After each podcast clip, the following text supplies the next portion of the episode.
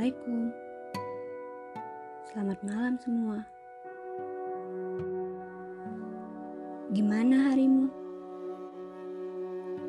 Apakah membosankan? Melelahkan? Atau menyenangkan?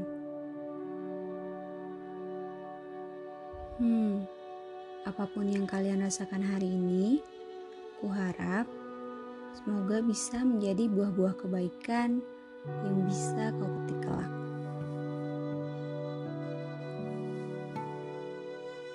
Aku jadi teringat dulu sewaktu kecil aku pernah terjatuh dari sepeda.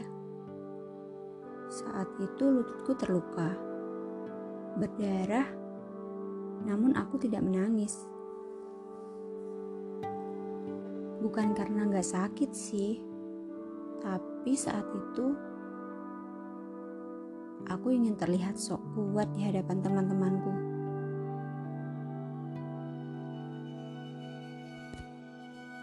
Perihal luka ini sebenarnya tidak sederhana, menurutku ya. Karena luka tak hanya soal fisik dan tak mesti yang terlihat ada luka-luka yang tak tampak, tak terlihat oleh mata, namun dirasakan oleh hati. Ia begitu menyayat, seolah menggerogoti tubuh, memangsa pikiran,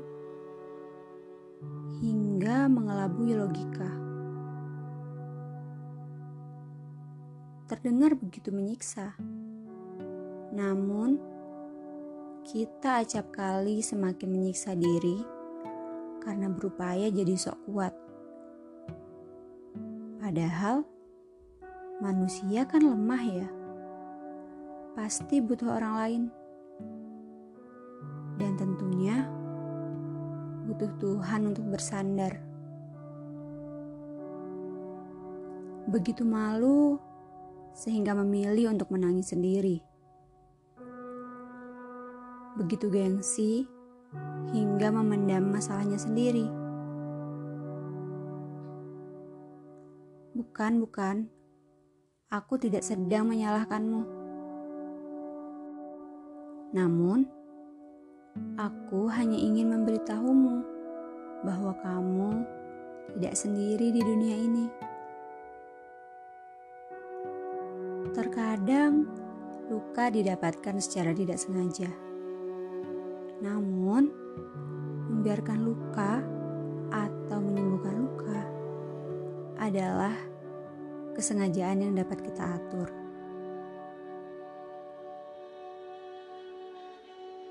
Seringkali luka dikaitkan dengan kenangan, seolah kenangan memiliki kontribusi besar akan luka yang membekas di hati manusia kenangan yang sulit dilupakan. Ya mungkin pada saat itu begitu indah. Atau bisa jadi begitu menyakitkan. Sehingga mampu melekat erat dalam memori. Seakan otak dan hati bekerja sama agar kita tak bisa melupa. Ini menyakitkan bagimu, begitu menyiksa. Semakin kamu berusaha untuk melupakannya mati-matian, maka mati-matian pula dirimu mengingatnya. Ya, namanya juga hidup.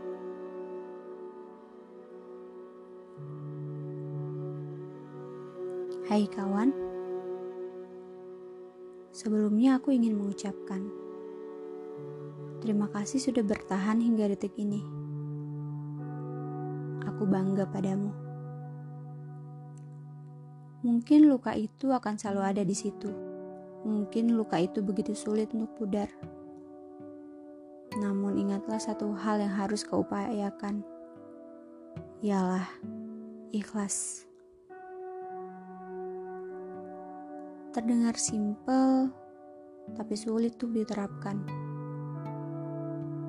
Iya, mengikhlaskan apa yang telah terjadi, biarkan lembaran baru menyusup sedikit demi sedikit ke dalam hatimu. Hingga memori tentang kenangan yang menyayat hati bisa mengabur.